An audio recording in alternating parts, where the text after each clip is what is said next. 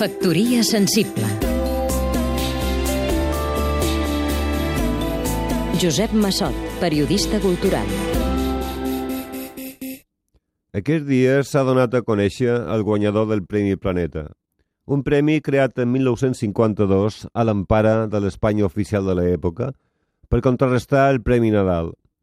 Lara, que sempre va tenir una gran astúcia pels negocis, va trobar la fórmula magistral del màrqueting 50 anys abans que els publicistes enginyosos com Charles Saatchi.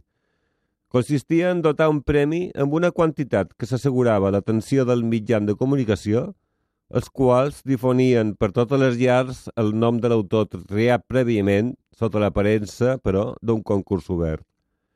L'excusa era llavors que aquesta gegantesca promoció ajudava al foment de la lectura.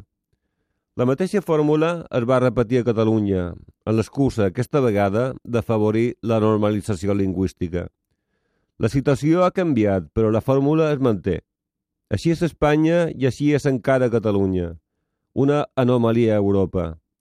És l'hora de rellenar els grans premis literaris. El Premi Planeta ja té garantit l'atractiu de la seva marca, sense necessitat d'enganyar ningú i el Sant Jordi es podia reconvertir en un premi a la millor obra publicada, com el Booker a Anglaterra o el Goncourt a França.